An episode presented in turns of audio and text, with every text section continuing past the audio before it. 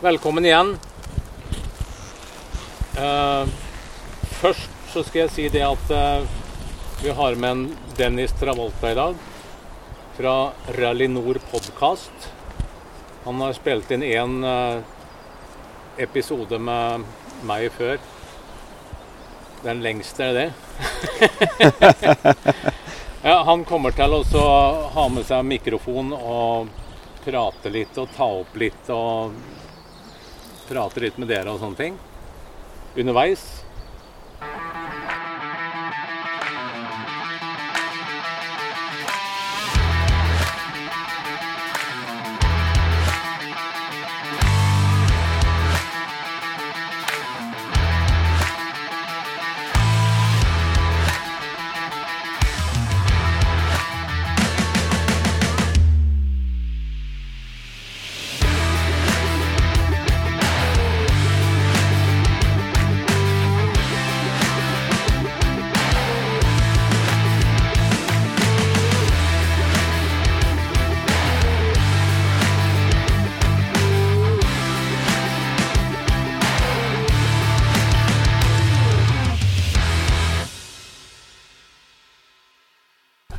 I dag så skal vi eh, gå gjennom litt sånn på bakkenivå her sånn. Frank skal prate litt om eh, kjørestilling og litt sånn teknikk. Og så er det en del øvelser som vi skal gjøre her. Som vi kan gjøre her. Det er ikke sånn at alle må gjøre ditt og datten. Vi har sånn lav terskel for det, men eh, det er veldig greit å flytte noen grenser og utfordre seg sjøl lite grann. Og prøve ting. Og ting som vi skal gjøre her på banen, det møter vi ute i skogen i dag. Vi skal på tur etterpå, kjøre en 17-18 mil nedover i Sverige og sånne ting. Det henger bilde av ruta der borte hvis dere, vet, uh, hvis dere har lyst til å se mer på det. Og det er sporete. Kanskje ikke så dype spor, men det er en veldig fin trening. Det er noen biler som har kjørt litt for tidlig på, på tælene og laga gode spor. Det er en del veieiere som har eh, kjørt på tilstrekkelig med grus, som er løs. Veldig fin. Så da, da, får vi øvd på det bortpå der. Jeg har et sånn party der med sånn løs, grov pukk. Skal vi kjøre litt sånn sikksakk her bortover rundt i kjeglene. Det er sånn balanse på en planke her. Kjøre litt åttetall her. Og nytt av året så har jeg laga ei sånn løype gjennom skogen. Den går inn borti hjørnet. Du ser det henger noen sånn hvite bånd der. Den går inn der, og da er det bare å følge den, egentlig. Eh, kanskje ikke alle skal kjøre den i dag. Det spørs litt på. Det må jeg føle på sjøl. Der går det an å kjøre sakte. Det er noen svinger, og det er, sånne, det er et blauthull nede i hjørnet der. Som eh, det går an å kjøre over. Bare husk på å holde litt til høyre, for da er det ikke så bløtt. Og så ikke start rett oppå hverandre, liksom. Vent den andre har kjørt litt foran. Der går det an å kjøre sakte og pent og trene litt på balanse. Og gi litt gass når det trengs. Kommer, det er bare en sånn liten runde, 400-500 meter, som går rundt borti skogen der. Eh, videre i dag, så når vi er ute på tur, så kjører vi cornerman-prinsippet. Dvs. Si at jeg kjører først. Han Frank han kjører bakerst som sviper med oransje hjelm. Eh, når vi kommer til et veikryss, så gir jeg tegn sånn. Og den som er bak meg da, den stopper der i det krysset. Og så stiller opp sykkelen sånn at eh, de andre som kommer etter da, de ser naturlig hvor de skal kjøre. Hørtes det lurt ut? Og så følger du med de som kommer, og når Frank kommer, så ser han at du står der. Og så gjør han sånn. Og da kjører du inn foran han Frank. For da, når, da rullerer vi hele tida. Yes. yes. vær så god. Skal vi trille fram eh... Ta, eh, ta BMW-en, sett den på senterstøtta. Du har jo altfor mye utstyr på den. Ja. En annen ting Pål glemte å si, det er når vi setter i gang med den turen etterpå, så alle har litt sånn Det klør litt der, og sekken sitter litt feil, og sånn justerer litt. Så vi kommer til å stoppe. Vi kjører en liten tur, så ikke vær bekymra hvis det er noe som henger og dingler eller det er et eller annet sånn. Vi som kjører bak, vi passer på at det ikke er noe som detter av sykla. Og så stopper vi, og da kan alle ta en justering eh, og sånne ting. Så ikke vær bekymra for det. Vi stopper, eh, tar en sånn teknisk liten hvil ganske fort.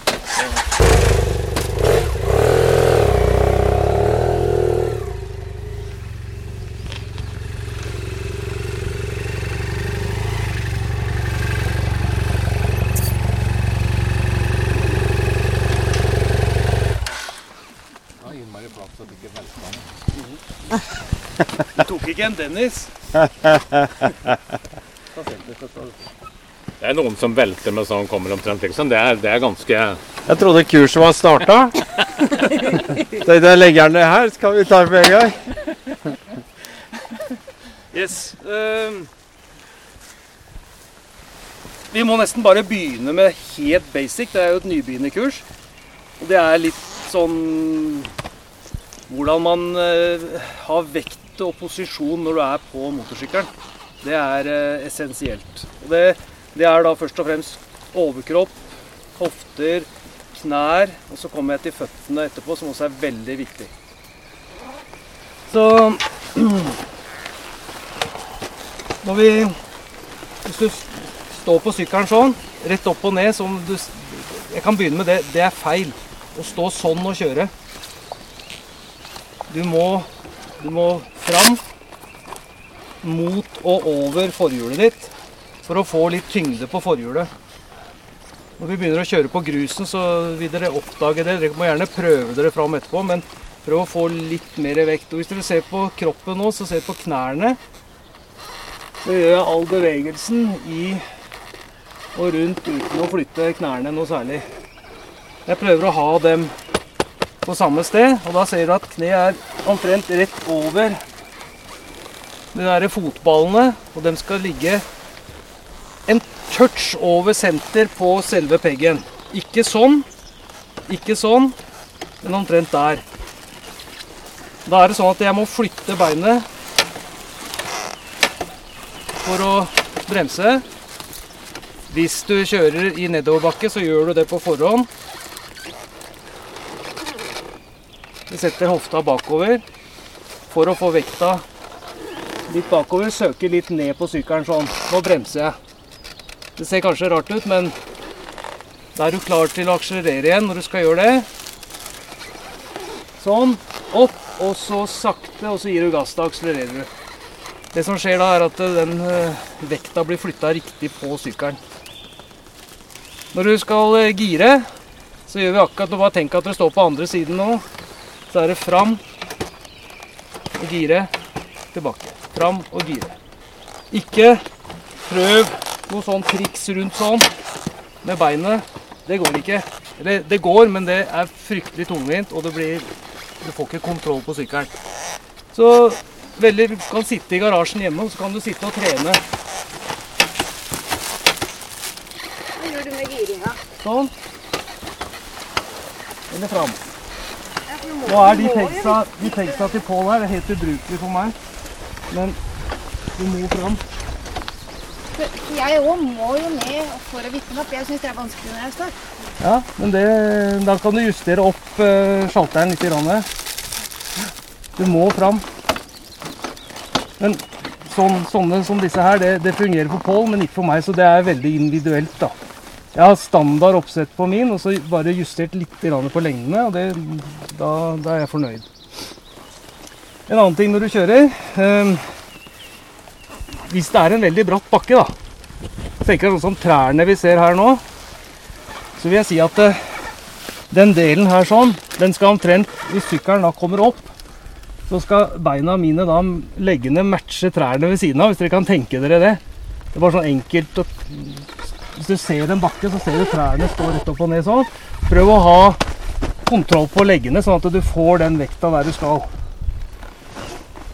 Hvis dere ser det på et bilde, så vil dere se det veldig godt. Så hvis det er dritbratt, så skal du egentlig ha kne ganske Du har fortsatt skal knærne veldig godt fram, og så har jeg alltid knærne inn. Så dere vil se på buksene, så vil dere se at eh, de, jo, de blir veldig slitt her sånn, for jeg holder fast sykkelen med knærne. Jeg styrer sykkelen veldig mye med knærne. Og vekta mi Og så kommer vi til det som er stor forskjell på å kjøre eh, gatekjøring, altså asfalt, hvor gutta ligger de ligger omtrent på innsida av sykkelen og drar ned i svingene, og det går fint unna. På grus så er det faktisk da stikk motsatt. Da er det sykkelen som skal ned, og tyngden som du har i kroppen, den skal ned der over dekket. Hvis jeg kan forklare det. Hvis du står, hadde stått foran sykkelen nå, og jeg skulle den veien, så går sykkelen ned. Jeg, jeg kjører på min måte, for å si det sånn, og det er ikke sikkert det er riktig. Men uh, dere vil merke det at uh, hastighet er en god venn. Mange tror det at hvis du kjører sakte, så går det fint, og det gjør det hvis du kan sitte med beina nedi og padle deg gjennom. Men hvis du løfter blikket litt, står i rett posisjon sånn som jeg viste i stad på sykkelen, og holder hastigheten litt oppe, så vil dere kjenne det at sykkelen eh, den slenger litt med, sånn med rumpa fram og tilbake og sånn under dere. Forhjulet går litt, men dere greier å holde en stabil hastighet igjennom. Et, bare sånn at du er litt positiv når du kjører igjennom. Når du slipper opp, så begynner du å vingle. Du kan ikke gasse deg gjennom tre kilometer med grus. Det er slutt på gassen. Så det nytter ikke å akselerere igjennom. Men hvis det er et kort parti, så kan du godt akselerere igjennom. Men skal du kjøre kilometer på kilometer, så må du være litt aktiv og holde sykkelen i god flyt. da. Så ser du langt fram samtidig. Og om sykkelen går litt sånn under deg, så er det bare som en god dans. altså. Det er bare å la det skje, for det, den, den, den detter ikke ned under deg. Hvis ikke du gjør noen drastiske bevegelser. Jeg kan si litt sånn kort om det. Eh, Framhjulet det vil rette seg opp igjen. Fordi at eh, forlengelsen av gaffelen, den treffer bakken foran der som hjulet er.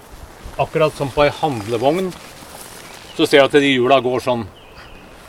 Når du møter Når hjulet får en, en kraft bak på de sida der sånn, så vil jeg gå dit. Da vil krafta treffe der, så den vil gå litt sånn att og fram og vingle. Men akkurat som hjula på ei handlevogn eller en kontorstol, så henger de faktisk etter i gaffelen. Og de vil rette seg opp igjen sjøl. Så la det, la det gå lite grann. Slapp av i henda og arma. Ikke tvihold med hvite knoker, for da blir du sliten. Og så hjelper det ikke noe. Kan prøve der borte etterpå og se på, på grusen der. Og jeg ser det at øh, eh, kaller det jeg tror det er elefantturn. Da vi setter ned beinet, gir gass og spinner sykkelen rundt. Det, det kan man gjøre. Det er ikke alle steder det er egna. Og da fins det en eh, måte som ikke bråker. Da vipper vi sykkelen opp på sidestøtta sånn. Det ser kanskje en, litt brutalt en, ut. sykkel, en sykkel som er i balanse, den er veldig lett. Se her, nå, nå holder jeg den her bare med én finger. her, liksom her. Den er veldig lett. Setter låret imot der. Så drar vi bakparten rundt. Det er viktig. Dra Så lenge du tørner den veien her sånn, som Pål gjorde nå, så bretter vi styret. Her er altfor mye utstyr. Bretter styret, og så bruker jeg kreftene der på sykkelen. Jeg vipper den opp, og så kan jeg flytte den rundt uten Nå kan jeg stå ved siden av sykkelen. Jeg bør ikke bruke noen hender i hele tatt. Så dere, det kan dere prøve hjemme i garasjen, eller når dere parkerer foran trappa hjemme. Bare vipp den opp, snu den rundt. Det tar fem sekunder. Veldig nyttig. Og det er en del sånne øvelser, sånne bakkeøvelser rett og slett, som er innmari ålreit. Jeg ser at de aller fleste kan kjøre i 70-80-90 rett fram på en vei, også på en grusvei. Men det også å kunne lære seg hvordan sykkelens tyngdepunkt er. Få sykkelen oppå hjula, gå rundt den, hold den bare oppe. Lær deg å kjenne akkurat hvor han balanserer hen. Det er en god øvelse. Også, og likeens kjøre åttetall og kjøre sånne sakte øvelser med balanse og sånne ting på, på, på, på Eh, Når Pål sa det med ankler her, det er eh, når vi går inn i en sving. Vi kjører grus, så ser vi dit vi skal. Vi legger hofta ut. Og da kan du faktisk løfte det beinet som er inn i svingen. Du skal ha all tyngden på det beinet som er ytterst i svingen. Den er litt sånn, den må dere øve på. En fordel til med det, når jeg går inn i svingen sånn, jeg står der med sykkelen, det beinet er helt løst og ledig, så kjenner jeg det at vet du hva, dette går skikkelig dårlig. Da trekker jeg til meg venstre beinet, altså opp med venstre beinet. Fordi jeg, da vil jeg legge meg oppå sykkelen, så sykkelen forsvinner under meg. Hvis jeg blir stående med begge beina på fothvilera og får sykkelen over den leggen her, så er ikke jeg sterk nok til å holde 220 kg på den leggen. Altså. Så sykkelen er ikke verdt noen ting når du kommer inn i en sving da. Du står på ytter eh, sånn, og du har litt kontrollert gass gjennom svingen, og så forsvinner sykkelen under deg. Da er det viktig å ha det beinet løst, altså. Og få det opp, så at du legger deg oppå sykkelen. Det er bedre å skli på sykkelen enn under sykkelen. Joho! Yeah.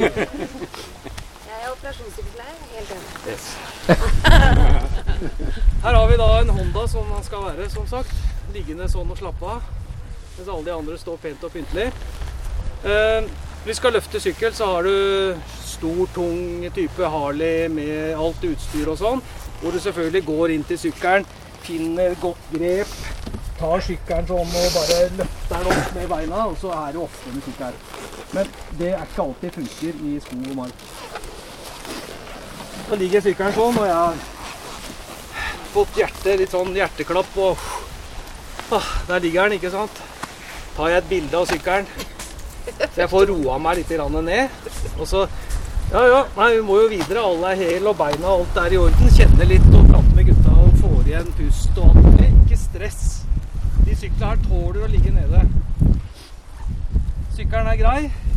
Jeg vipper den over, sånn at jeg får den delen som er nederst, lengst fram.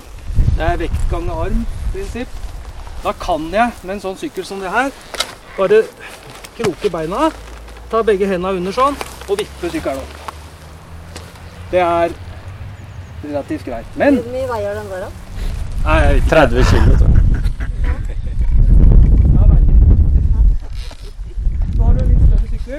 kronglete. Den står kanskje nedi litt grann ting. Noen ganger så er også sykla Altså, bakken går opp der, og sykkelen ligger nedover. Vi greier ikke å løfte den over det punktet, så da må vi ta sykkelen og så må vi dra den rundt. Altså helt rundt, sånn at vi får den Sånn at du får mindre vei å løfte. Ligger denne veien her, da kan jeg ikke svinge ut støtta. Så her må jeg passe på at den ikke vipper over. Andre veien så vipper jeg ut støtta først, sånn at jeg kan lene den på den. Blinklys. Det er Honda. Eh, når sykkelen ligger i litt kronglete terreng, det er litt vondt å stå, og det kan være litt stein og grus, så kan jeg gå fram med beina, stelle meg litt sånn godt innunder sykkelen. Så bruker jeg begge hendene når jeg løfter den, og så bruker jeg begge beina, flytter meg litt inntil, Passer på at jeg ikke tar feil i ryggen, og så bare viper jeg den. Det ser kanskje dumt ut nå, men det virker godt, altså. Reparert. Faen. Ehm, er det noen som har lyst til å prøve det, eller? Å løfte? Yes? Vi pleier å ta den som ser lettest ut. Store strekken er å velte, så da må du bare lære seg.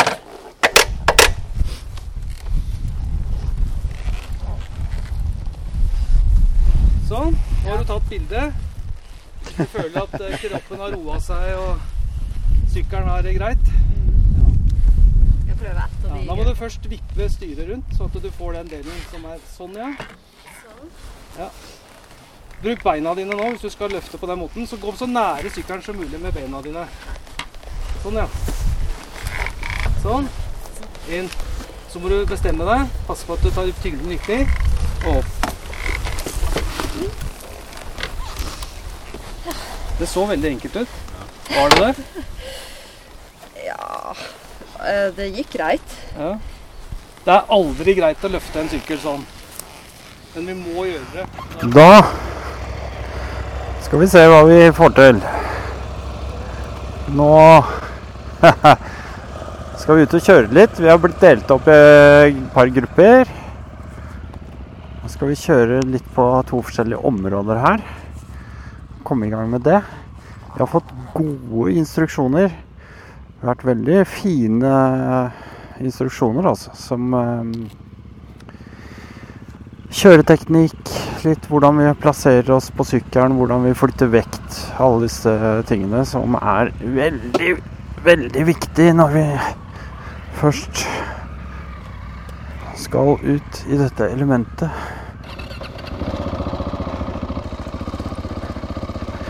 Jeg kjører ned på første banen. Det er banen uh, hvor vi har uh, grus. Oi. Her er det noen som har litt av hvert.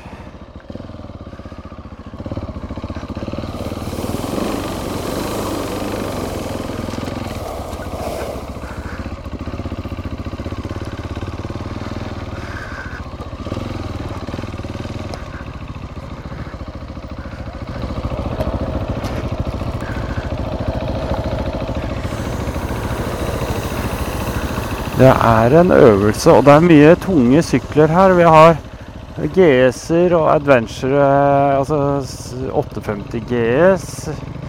Det er eh, noen CRF 250. Og så er det Ja. Disse her eh, KTM Adventurene. 790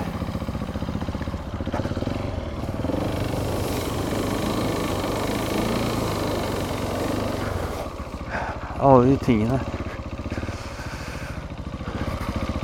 Litt av hvert. Det var uh, Triumph, Tiger.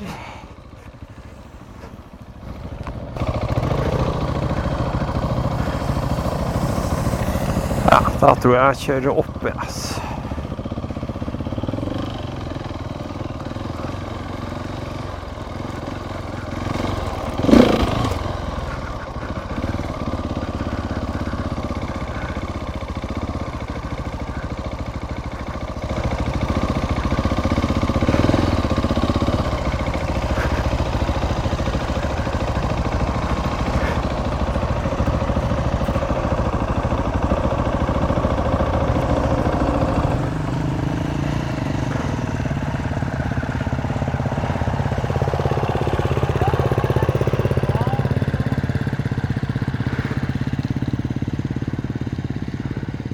Har du tatt runden, eller, Dennis?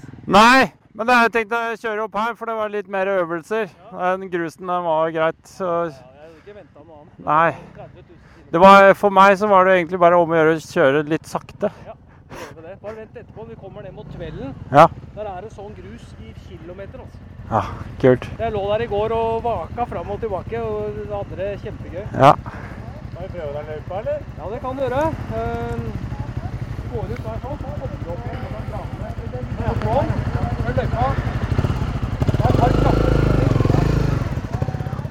Å ja, løypa. Han skulle ta løypa? Ja, Gjør det. Ja. Gjør dette, Dennis. Det er, det er et par knapper svinger, så ikke dra på. Nei, nei. nei. Ser at du kan ligge med skrens hele veien. altså. Ja.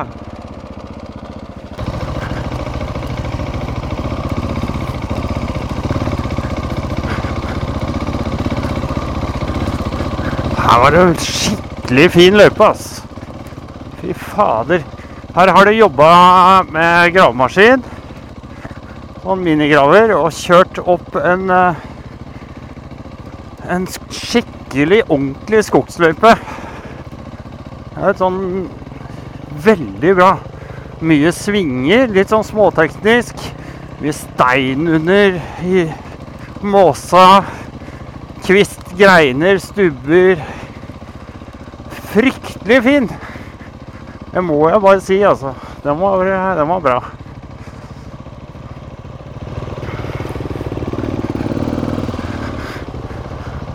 Ok.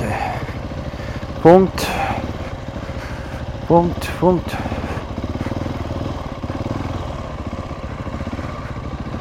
Punkt, punkt, punkt. Punkt, se rundt, se rundt.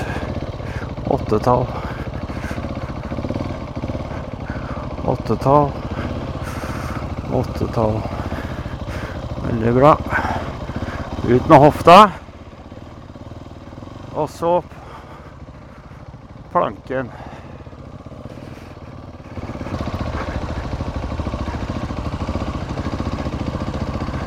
Fikk jeg beskjed om å se lenger opp.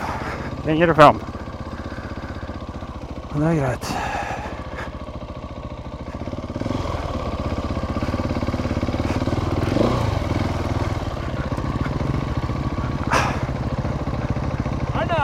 Jeg bommer! Tar den i vannet, da, altså. Ja.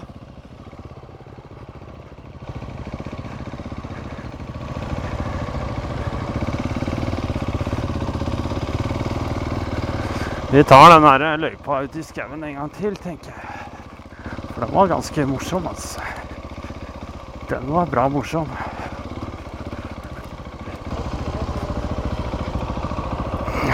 Vifta går som pokker. Greit at hun får kjørt seg litt. Egentlig. Men fabelaktig. Fantastisk. Altså, den derre eh, De derre løypene de har lagt opp her, hvor godt tima det er i forhold til eh, ha de elementene man trenger å kunne noe om eh, når man er ute og kjører eh, offroad. Eller skal ut på en adventure-tur, eller på grus, eller hva som helst. Jeg må si at eh, her ligger det veldig, veldig mye bra i bånn. Og så er det et eh, lukka område med godt oversyn, masse mennesker og kompetente folk som, eh, som følger med. Og som hver gang du har vært gjennom en løype, så står du der. Og så kan du få tilbakemeldinger, for de observerer hele tiden du, hvordan du gjennomførte. Og, og følger med på blikka dine og eh, litt sporvalg og sånne ting. Så kan du få tilbakemeldinger på det. Så kan du prøve på nytt og på nytt og på nytt. Og ta, bruke god tid. Veldig, veldig bra. Så her er det Her er det noe for eh, alle. Og, og, og det er Jeg vil ikke påstå at nødvendigvis må være helt fersk for å gjøre det her. Jeg tror at eh, så tidlig på året så kan nok veldig mange ha godt av å, å bare få lov til å slippe ned skuldra litt. Veldig, veldig godt. Veldig godt.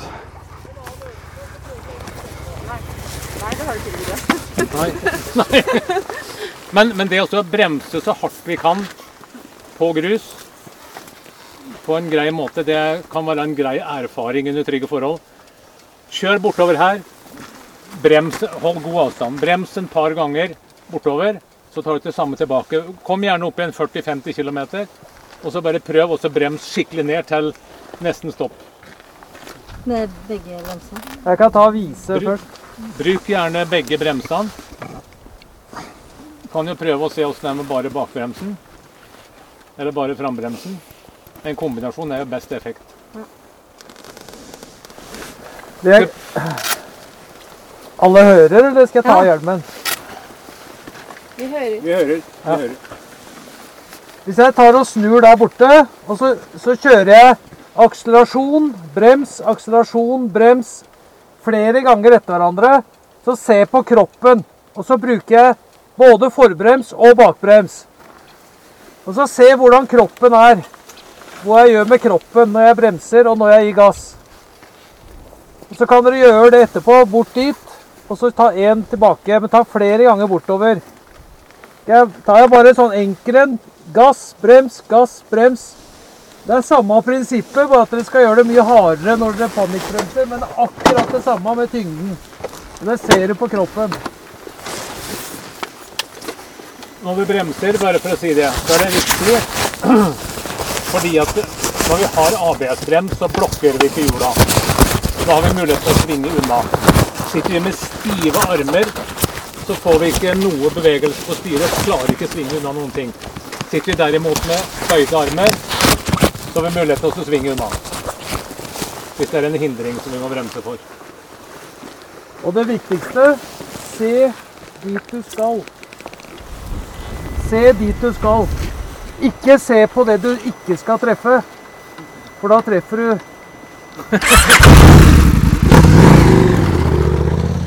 Og så skal du bruke, bruke magemuskler å bremse med.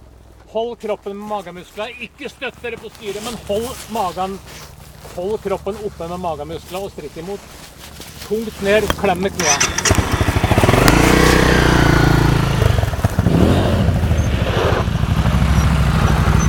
bakpå, bremse, foran akselerere, bakpå, bremse. Dere, forover, akselerere, bak, bremse. Og da kontrollerer du stabiliteten på sykkelen med bakbremsen, og så stopper du sykkelen med forbremsen.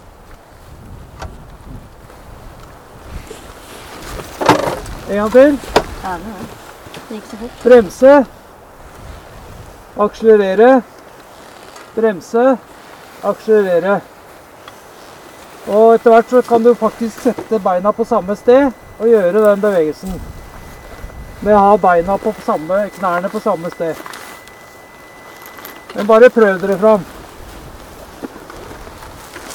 Og hele tida denne bevegelsen, bruke kroppen mye på sykkelen, det har så mye å si at den blir vant med også å bruke kroppen. Kjente opp noen spor på vei hit. Ja.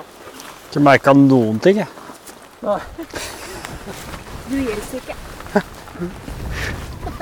Jep, nå må vi bare prøve. Ikke kjøre på hverandre.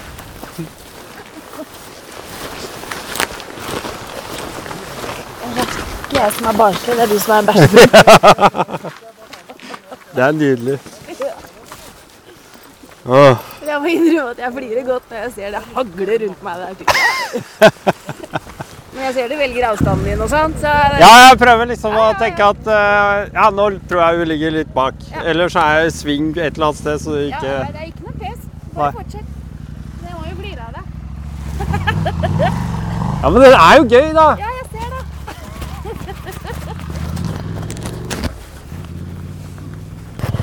Ja, nå har jeg fått på meg litt utstyr igjen. Nå skal vi ha bremse... Øve oss på bremsing. Brems og gass på grus. Løst Selvfølgelig løst uh, underlag. Og det skal jo sies at jeg har kjørt av uh, Jeg har kjørt av uh, ABS-sensoren min bak. Så jeg har ikke ABS, og jeg har ikke traction control.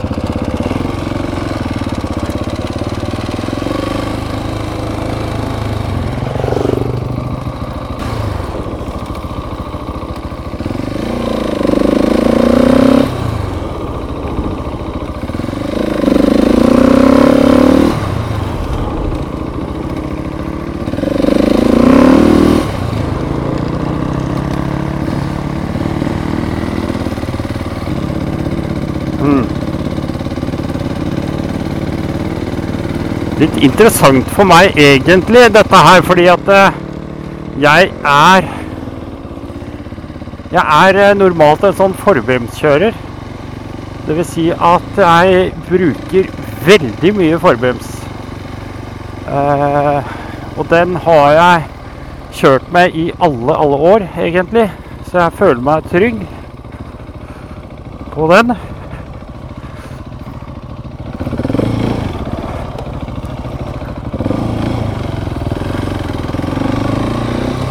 Dermed så er dette her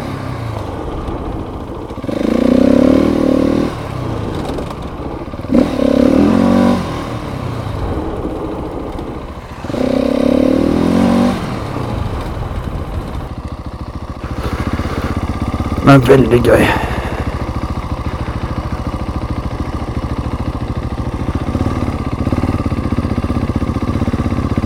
Veldig, veldig gøy.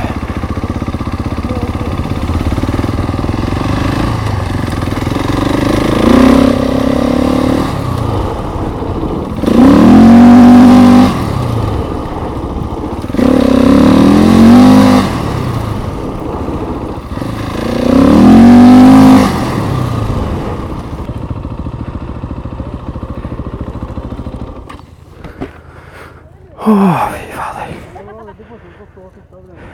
Det er veldig stor forskjell, så du må opp Jeg er sliten.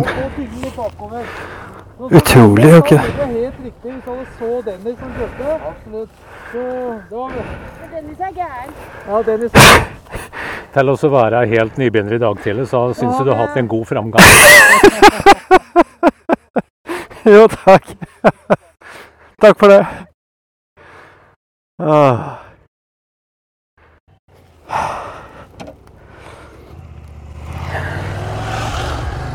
Ja, det er gøy, altså. Det er veldig gøy. Nå, nå, du må jo komme i gang igjen nå, for alle må bare trene. Men si ifra dem som har lyst til å kjøre gjennom den der seksjonen sammen med meg. Gjør det. De andre tar du med deg rundt, og så venter vi på toppen. Og Dennis, han skal være med. Det hørtes skummelt ut, jeg tør ikke. I så syns jeg at det er en veldig bra framgang. Han begynner å beherske sykkelen og liksom føle at den er trygg. Veldig godt at alle skal lykkes litt. Nei, nei, nei. nei. Det er at du får praktisert eh, singeltrekk, balanse og bratt bakke med hjulstein. Ha det. Nei, nei, nei. nei. Jo, jo, jo. Nei, nei, nei, Jo, nei. jo, jo. nei, nei, nei. Hadde jeg ikke sagt det, så hadde du sagt ja, ja, ja. Nå er jeg liksom på Nå er jeg der oppe. Jeg har lyst til å ligge der en stund. Ja, men da blir det med meg. Da blir med deg. Ellers så Neste gang. Neste gang er det klart at eh, Ja, det, det, er fint. det er bare en liten men det er eh, Jeg valva der for en stund siden og fikk så jævlig vondt i sidebeinet mitt. jeg. Vet du, når jeg detter av sykkelen, det er nesten som å kaste ned en sekk med potet på bakken. Bare helt bom! Ikke noe sånn ikke noe sånn ungdommelig sprettenhet som bare ruller rundt og Men sånn er det. Rullestein og bratt, det høres ikke ut som en sånn veldig kul kombinasjon. Nei, rullestein og bratt, det høres ikke ut som en veldig sånn kul kombinasjon. Og der er glapp.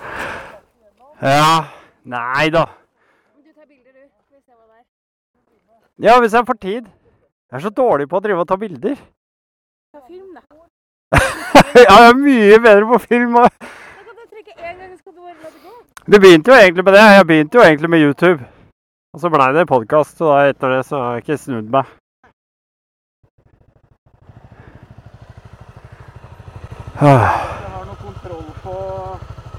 Skal han dra nå? Vil du ha nå?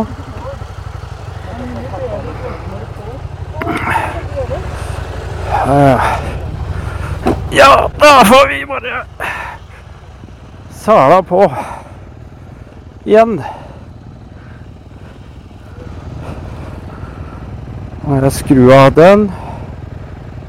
Hei.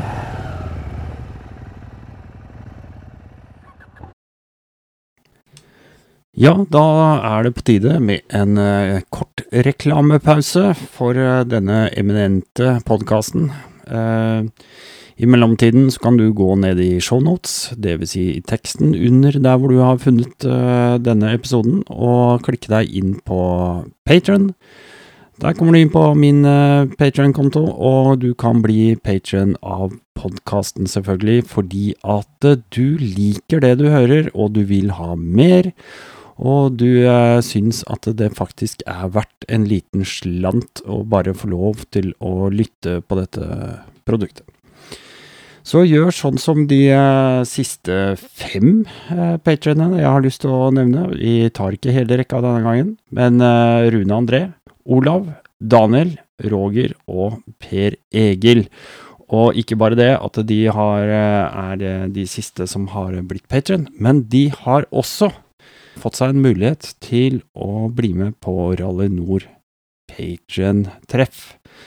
Det er altså i pinsehelga. Starter på fredag, ender på søndag. Det skal bli gøy. Det er jeg helt sikker på. Det blir roadbook, det blir kos, det blir kanskje noe grill, og det blir litt av hvert. Det gjør vi alt vi vil med selv. Så hva du bringer til torgs, det får være litt opp til deg også. Men det er en lavterskel eh, tilbud, og det koster deg ingenting, bortsett fra at du må bli patron, selvfølgelig. Sender deg da et uh, rått, heftig klistremerke i posten.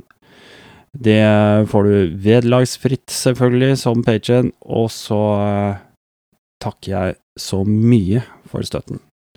Uh, husk at du også får uh, Rally Nord Patron Pod.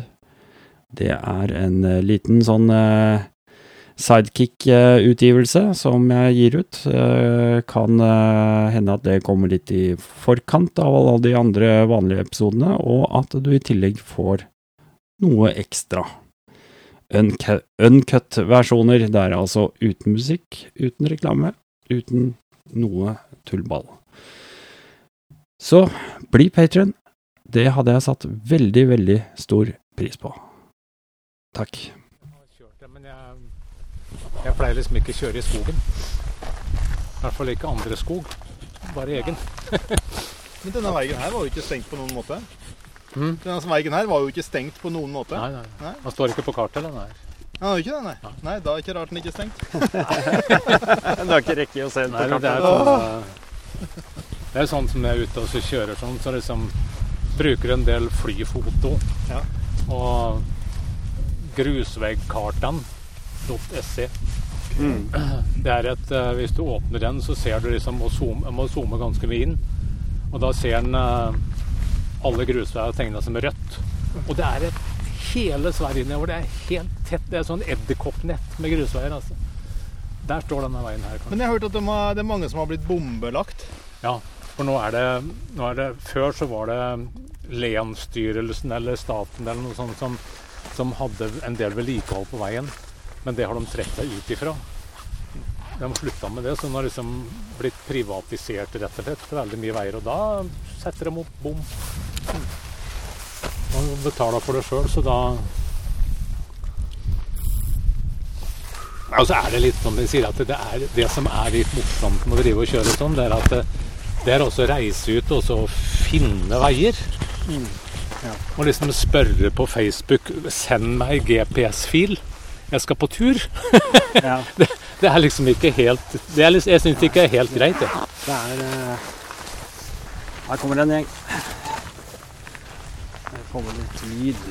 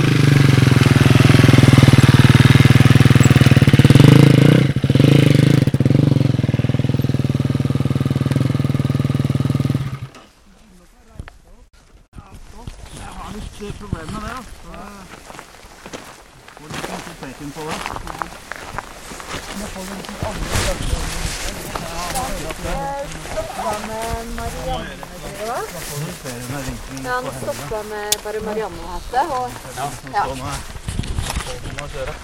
Så han og skulle bare kjøre sånn. Og skulle bare kjøre sånn, så det det er tre stykker bak. ja. Men uh, sto det noen i krysset? Nei, du sto Ja, jeg sto der, Ja. og så Det er ikke noe mer kryss oppover, så han, Nei, eh, ja. og så har han ruta. Men han som var bak meg, eller hun, Ja. hun, er, hun var borte, for da hun er kommet den. ja. Så det er to damer, eh, Marianne og Marianne lå bak meg. Ja. Men det var før vi møtte hun. eh. Ja.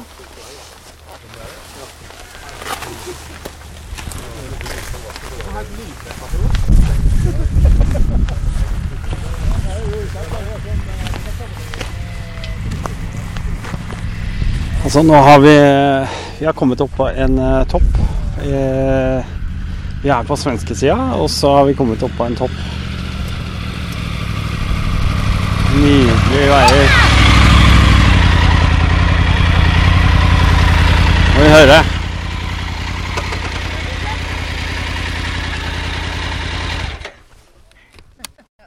Er det noe jubel? Ja. Sandveier, jeg klarte det. Oppoverbakker. Yeah!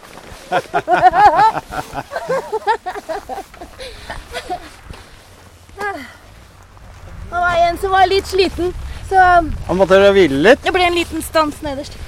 Kommer snart. Ah. I'm good! Vet du hva? Akkurat sånne reaksjoner som du hadde nå, det er liksom det er som gjør det verdt å drive med dette her. Det er bare så Folk tar av seg hjelmen, som bare koker over. Ja, det er bra. Det fungerer. Altså, det er veldig bra at lyden ikke spres inni hatten her. Ja, det er jævlig bråk inni her, tenker jeg. Faen, jeg har kjefta på meg sjøl opp her, altså. Ja, ja. Nå skjerper du deg! Kom igjen! Ja. På! Mer gass! Det er bra. Det er bra. Hallo, traction-kontrollen er av! Og sånn som du sa, neste gang litt mer gass. Ja. Ja, det gikk bra. Det er basics. Ja, men Det er bra. Jeg syns det er tøft at du håndterer en såpass stor, tung sykkel på sånn underlag. Takk. Takk. Ja.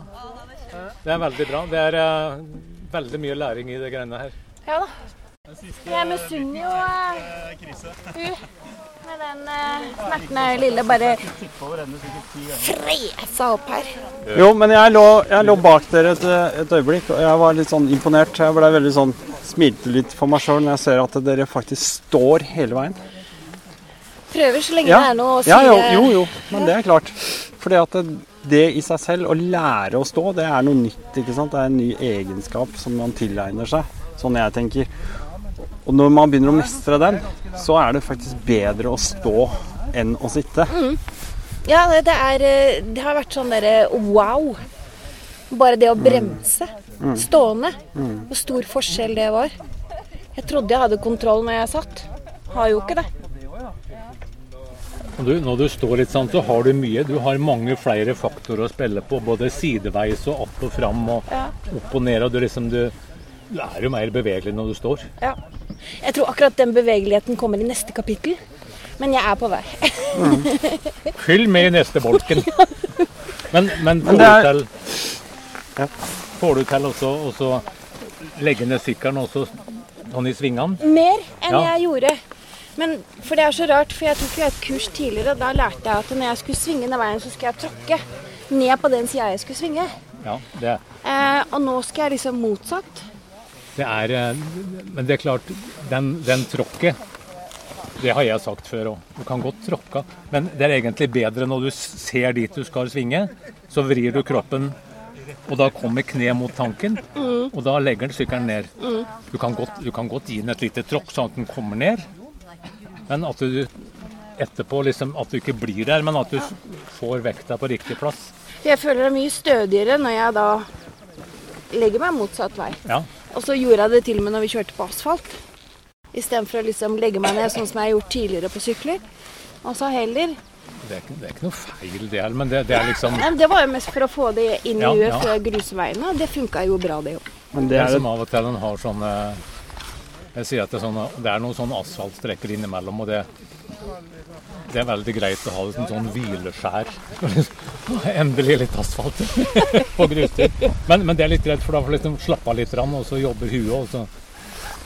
Det, som er, eh, det som er litt greia, som eh, jeg har tenkt litt på, det er at eh, gjøre en del øvelser på dag én, og så fortsette på dag to. For det som er så rart, er at det, i natten også så kommer hjernen din til å bearbeide alt det du har lært. Og i morgen så er du mye bedre til å kjøre enn det du var når du slutta i dag. Faktisk. Det er ikke kødd engang. ja, men, men jeg har sett det med flere ting. liksom jeg har jobba på landbruksskoler og, og lært folk å rygge med traktor og sånne ting. Og sett OK, nå stopper vi. Vi prøver igjen i morgen. Så kommer folk dagen etterpå. Rygger og kjører som bare fy. Fordi at det, hjernen den må bearbeide ting. Ja. Og sånn er det med gruskjøring. Tror jeg nok. Det er i hvert fall utrolig deilig å kjenne mestringsfølelsen. Ja, Og det, er- det er deres skyld. Tusen takk. bare hyggelig. Forsiktig pisking. det er moro. Er det sånn mat og Eller skal vi bare fem minutter og Jeg pleier å glemme av å skyte. Så er det sånne damer som deg som kommer og liksom minner meg på at skal vi nå ja. Du vet. Du Må holde fasongen. Men uh... Buksene kan jo bli slappe. Skulle tatt seg ut og mista buksa mens man kjørte. Ja, skulle tatt seg ut om man mista buksa mens man kjørte. ja. ja, nei, det er uh, viktig å holde bukskinnet stramt. Ja, ja, ja. ja. Ja, ja. Jeg tenkte på det at Hvis jeg skulle hatt noen annen sykkel enn eh, de jeg har, så tror jeg kanskje jeg har vurdert en sånn en Husqvarna. Ja. For da hadde jeg fått Winpegs. Jeg savner dem. Jeg savner dem hver gang jeg kjører. Det er så nydelig. Vet du jeg står så balansert og fint. Ja, Jeg står, og jeg står hele veien. Det er sånn Tenker ikke på det engang. Og Du plasserer deg riktig med en gang. Ja, gjør det. Du, du, det er Så ikke er sånn det, du, så er det jo så deilig. Og du får ikke bare den der ikke sant? Du kjøper, eh, Hvis du kjøper rallypegs da, for å få den breiere, så får du den ut til siden. Ikke sant? Det er veldig deilig, alt dette her. Men det å få, det, eh, få den avstanden i tillegg, så har du den balansen i tillegg. Dele den. Å, hjertelig. Du er knupp, altså. Så nei, jeg har ikke noe annet. Det kom en sånn gjeng som kom rundt hjørnet. Der var det et eh, yngre par som var her. De fikk det litt travelt. liksom kom seg ut av litt sånn rød, rød i kjakan og spente på det. Dro på seg buksene ordentlig og fikk, eh, fikk prata litt. Det var litt gøy. da. Ja, trivelig. folk. Han kjørte motorsykkel. Han bor borte i Sunne, tror jeg. Han klarte å si det. Det var vel enkelte tema han ville holde seg utover. Jeg tror jeg må sitte her, jeg, for at eh, med gitaren min så får jeg den der oppi i kassa min, og da er det bedre at man sitter her. Jeg bare kan flytte meg, jeg. Du spiller den veien. Men da freser jeg eh, hjemover, jeg, altså.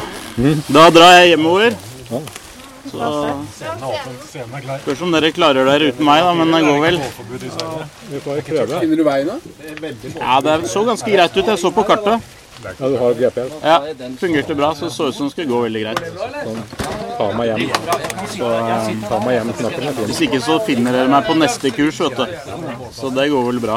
Det er i morgen, det. Ja, det er det, ja. Da er jeg sikkert tom for bensin, så vi tar med litt ekstra bensin. Ha det fint, det. Ha det.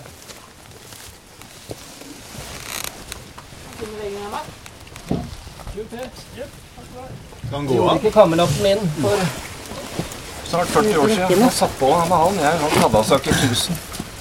Hadde aldri sittet på motorsykkel før jeg satt på med han. Og han ga på, vet du. Og det holdt jo ikke rundt livet hans, da.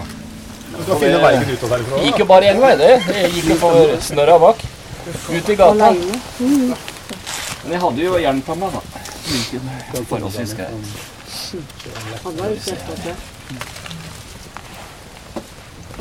forholdsvis greit.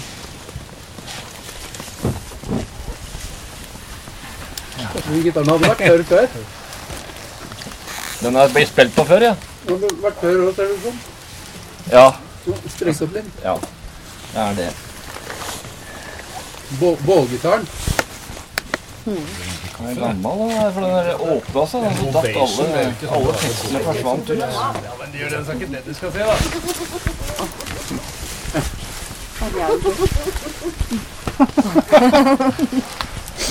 Bare åpna på hele vann på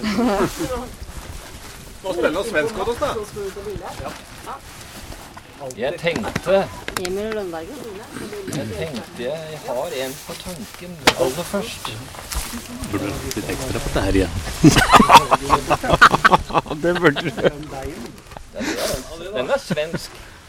Jeg lurer på Ja, det er Bjørn Afselius. Bli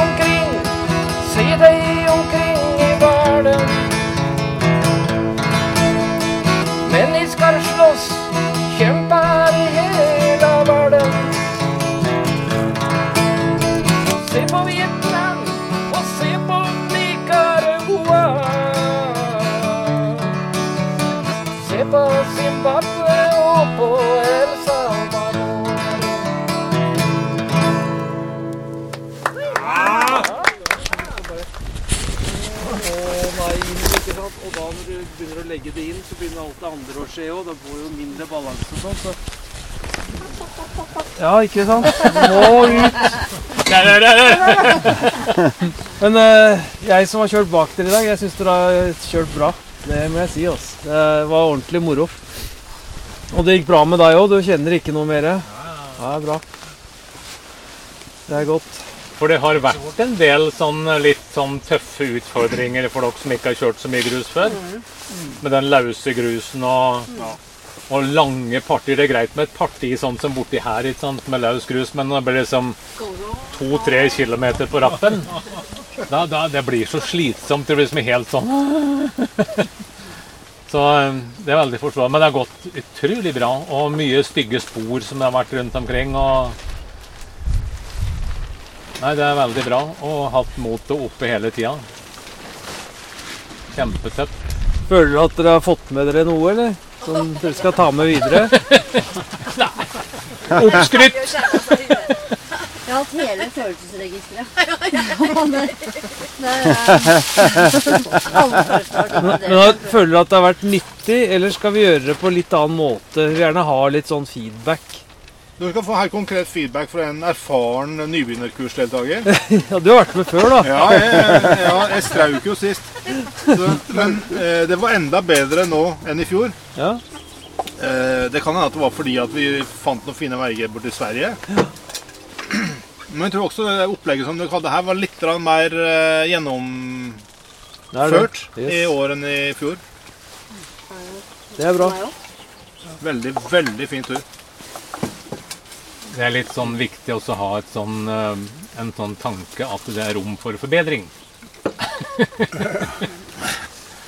Men husker du på når du hadde grusekurset med bare damene?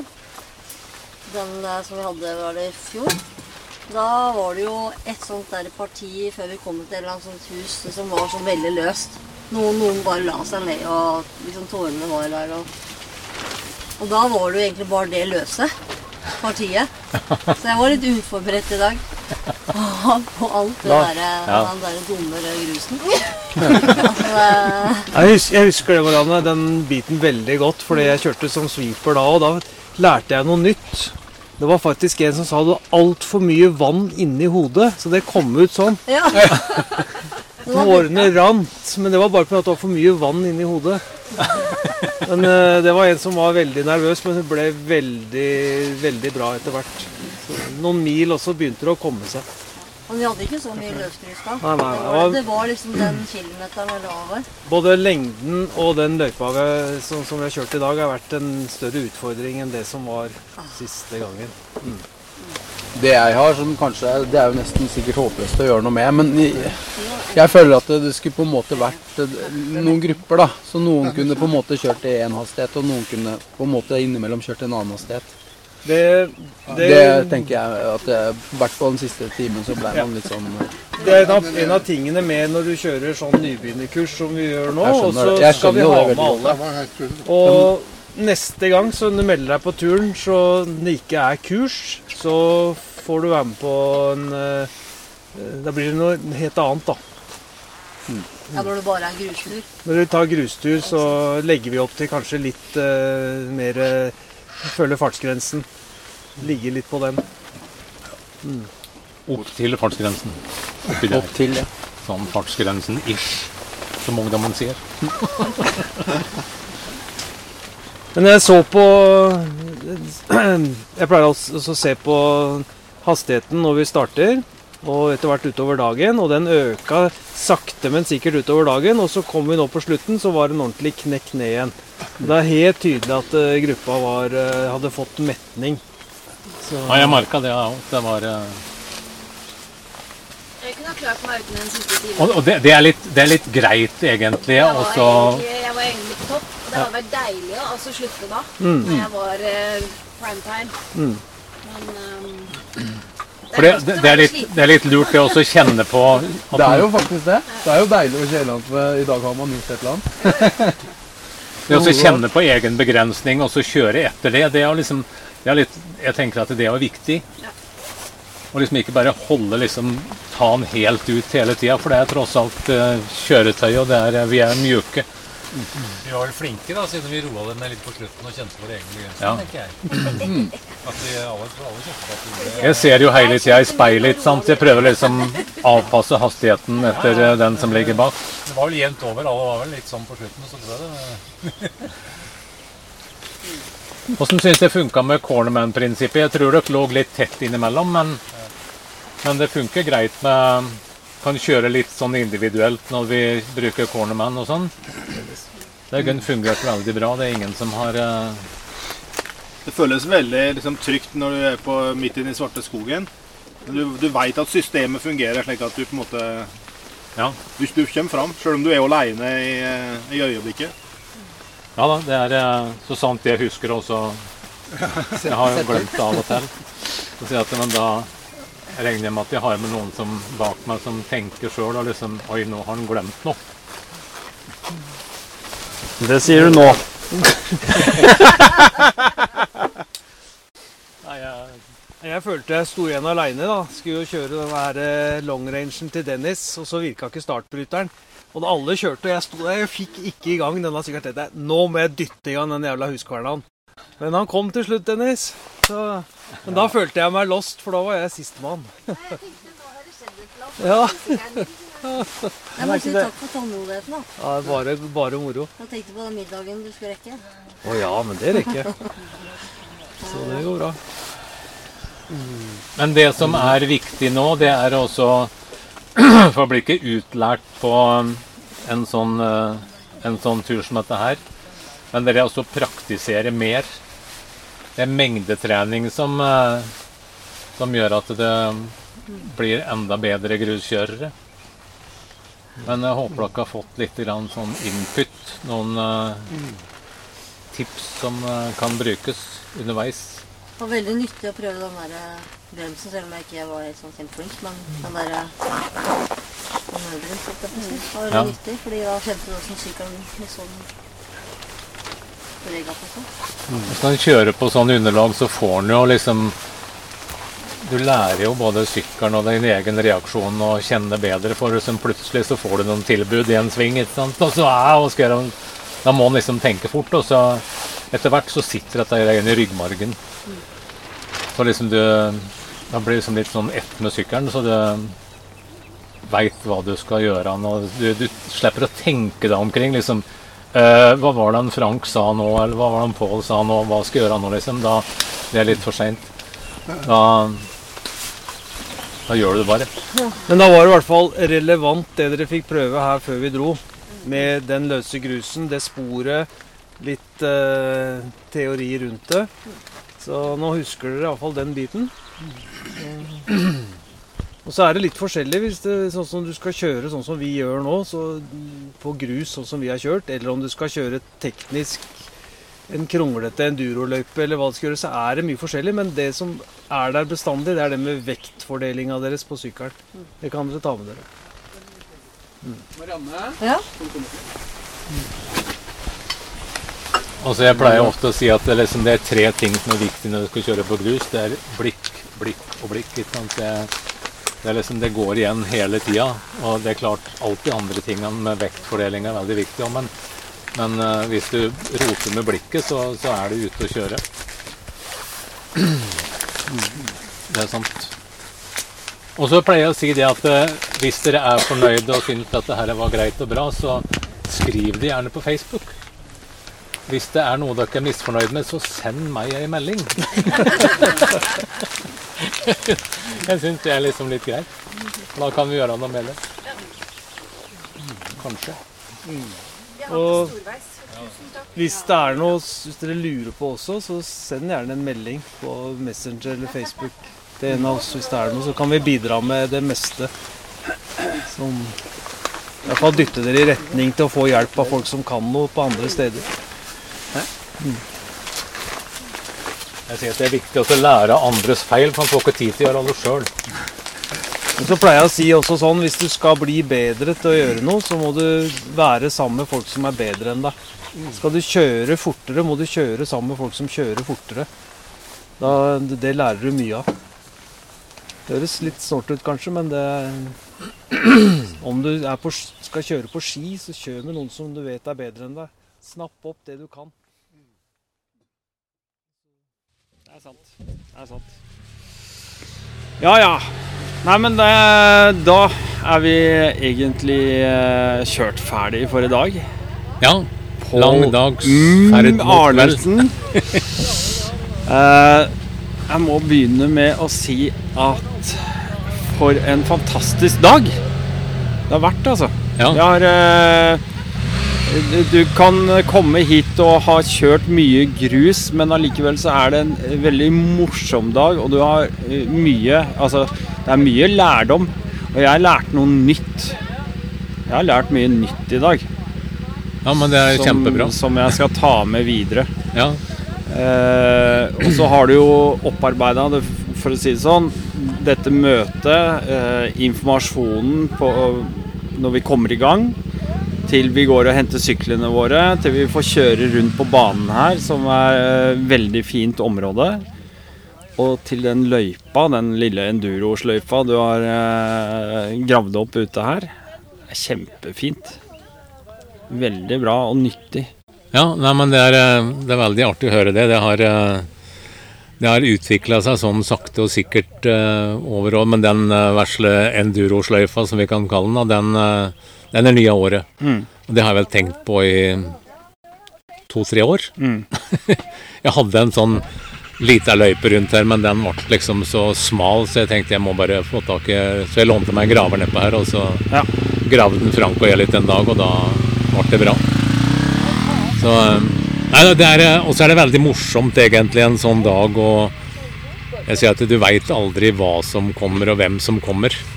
Du har noen navn, og så kan jo drive og surfe på Facebook og se hvem alle er omtrent, men du ser ikke så mye der. Nei. Og det å treffe folk på den måten her, det er, eh, det er veldig moro. Mm. Kommer litt innpå folk, for liksom det Folk må vise litt svakhet, og jeg har ikke alle løsninger, så må liksom Finne litt kjemi med forskjellige folk, og hvordan skal vi forklare ting og sånne ting. Så det er eh, Det er litt spennende. Mye blide ansikter underveis. Ja. Og, og jeg må jo si det, folk har virka virkelig å storkose seg på tur. Og jeg tror de som eh, har mest å lære av en sånn, sånn eh, et sånt kurs som det her, de sitter igjen med veldig mye. Ja, jeg tror det. Ja, de, eh, og da snakker jeg ikke bare om det å kjøre motorsykkel, den tekniske biten. Vi snakker om mestringsfølelse. Og det å ta på en måte kontroll over noe du ikke visste hvordan du skulle begynne med. Eller hvordan du skulle gjøre. Ja. Eller, og det å tilegne seg sånn type kunnskap. Det gir glede. Ja, ja, ja. ja. Og, og så er det litt sånn Jeg tenker jo det at eh, learning by doing gir liksom Det er klart vi kunne hatt eh, to-tre dager med teori og, og prate og ting og tang, men inn med noen korte tips. Ut og prøv, ut og prøv, ut og prøv. Og så, og så reiser vi på skogen, og så stopper vi og så prater vi litt. og så... Nei, så jeg syns eh, Jeg har vel syns vel det sjøl at vi har landa på et veldig ålreit måte å gjøre ting på. Da. Mm. Det er klart, eh, det hele tida forandrer vi litt og, og Mm. gjør ting litt annerledes, men det er mm. Nei, det, det har vært veldig moro i dag. Og så rutene du har lagt opp, da. Det er jo fantastisk. Ja, de har vært De var, var fine den i dag. Ja, det var, vet du hva? Helt kanon, altså. Når, når folk snakker om Finnskogen, så er dette her er eh, ja, Det er Finnskogen på sitt beste. Ja. Det er det. Men du, du sa, så det at vi, vi traff ikke mange sykler i dag. Nei. vi så Nei, nei, ikke en eneste en. Nei. Og, og jeg liksom For jeg, det er klart, hadde vi kjørt Jo, vi så noen. Vi, det var tre stykker Ja, ja, som sto eh, som vinka. Det var, Ja. det. det var det. Hadde vi kjørt til Råtneblikk, så hadde vi sett en hel haug. Ja. Og, og liksom hadde den lagt seg inn på tettrute eller annet sånt, så hadde, den, så hadde vi sikkert truffet mange. Mm. Ja. Men jeg tenker at det, det er så mye andre småperler. Eh, jeg, så, jeg så jo Jeg kjørte jo først, og jeg så jo at eh, de spora som jeg laga med 250-en min sist søndag, Ja. de var øverst enda. Ja, jeg hadde ikke kjørt Nei. noen der, på hvert fall noen av de veiene. Ja. Ikke kjørt noen etter at jeg kjørte der sist. Mm. Og det, det er klart, det er en del jobb å lage disse rutene. da. Ja, ja, ja. Det er mange timer med PC-en og flyfoto og kart og ut og prøve og ut og feile og tilbake igjen. Helt klart. Helt klart. Så Nei, det er, det er så mye fine veier, så det er liksom Hvor, ma hvor mange mil har vi kjørt i dag? eh, 17-18 mil. Ja. Så, og det Man kjenner jo det. Det, krev, det har vært krevende mil, Ja. alle sammen. Det har vært veldig fint. Vi har hatt et veldig fint vær, eh, men mye støv og, og sånne ting. Men fantastisk. Det er jo virkelig bra. Ja. Veldig fornøyd. Mm. Og nå veit jeg ikke hvor mye klokka har blitt, egentlig. Men uh, vi har vært ute ganske mange timer. Ja ja, klokka er vel sju-halv åtte snart. Ja, så fikk vi stoppa på et eller annet eh, sted som vi tok en liten rast, og der var det en kar med en gitar. Så vi fikk også en liten eh, privat eh, trall i tillegg. Det var jo hyggelig, da. Det var litt morsomt. Ja. Jeg trodde nesten du hadde avtalt med ham på forhånd. jeg, At han skulle være si det. Nei, det var gøy. Det var veldig gøy.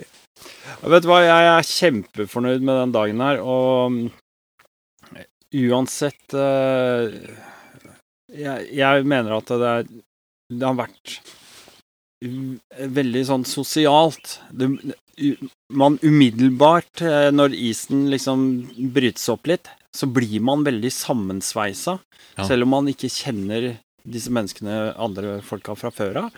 Man blir veldig sånn direkte. Man snakker med hverandre, man hjelper hverandre og backer hverandre, og, og liksom oppmuntringer og, og sånne ting. Eh, vi hadde med tre veldig blide damer i dag òg. Ja. Eh, noen av de var virkelig slitne, men de, de var kjempefornøyd. Ja da, og liksom, jeg, jeg sa når vi stoppa opp på toppen der borte og tok av seg hjelmen, ikke sant, og liksom det bare strålte i ansiktet og ja. hyla av Ja, det- glede. ja, det det. og det er liksom, jeg sier at det er det som gjør det verdt å drive med det her. Den, den opplevelsen av å se sånn fornøyde fjes, ikke sant, det er moro. Og det som du sier med det sosiale, at en kommer nærme hverandre fordi at han alle sammen er litt sånn usikre Mm, mm. Ja. på det. Og hvis det er noen verdensmestere med, så ja, De er som regel ikke med på nybegynnerkurs. Nei. Men, eh, men allikevel, det er noen som er bedre å kjøre, og de hjelper de andre. Og, Mm. nei, det og det er en del av målet med dette greiene her, tenker jeg. At eh, den sosiale biten skal eh, være Den er viktig. Mm, ja, er det. Helt klart.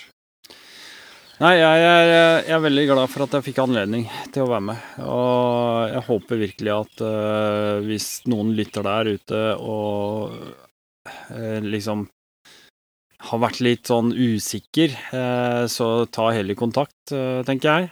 Eh, se om det er noen ledige plasser, eventuelt. Um, ja. Det er, eh, det er absolutt verdt det. Det mener jeg. Ja, og jeg føler at vi har veldig lav terskel Ja. for å være med. Ja. Ja. Det er eh, to hjul med litt ålreite dekk og litt motor oppå, så Mm. Mm. går det Ja, greit. Er det. Nei, veldig bra. Jeg eh, tror vi runder av med det. Ja. Eh, jeg håper vi ses igjen, eller om ikke altfor lenge. Ja. ja. Plutselig. Plutselig så treffes vi. ja. Greit, det. Da bare takker jeg for meg. Ha det godt. Hei.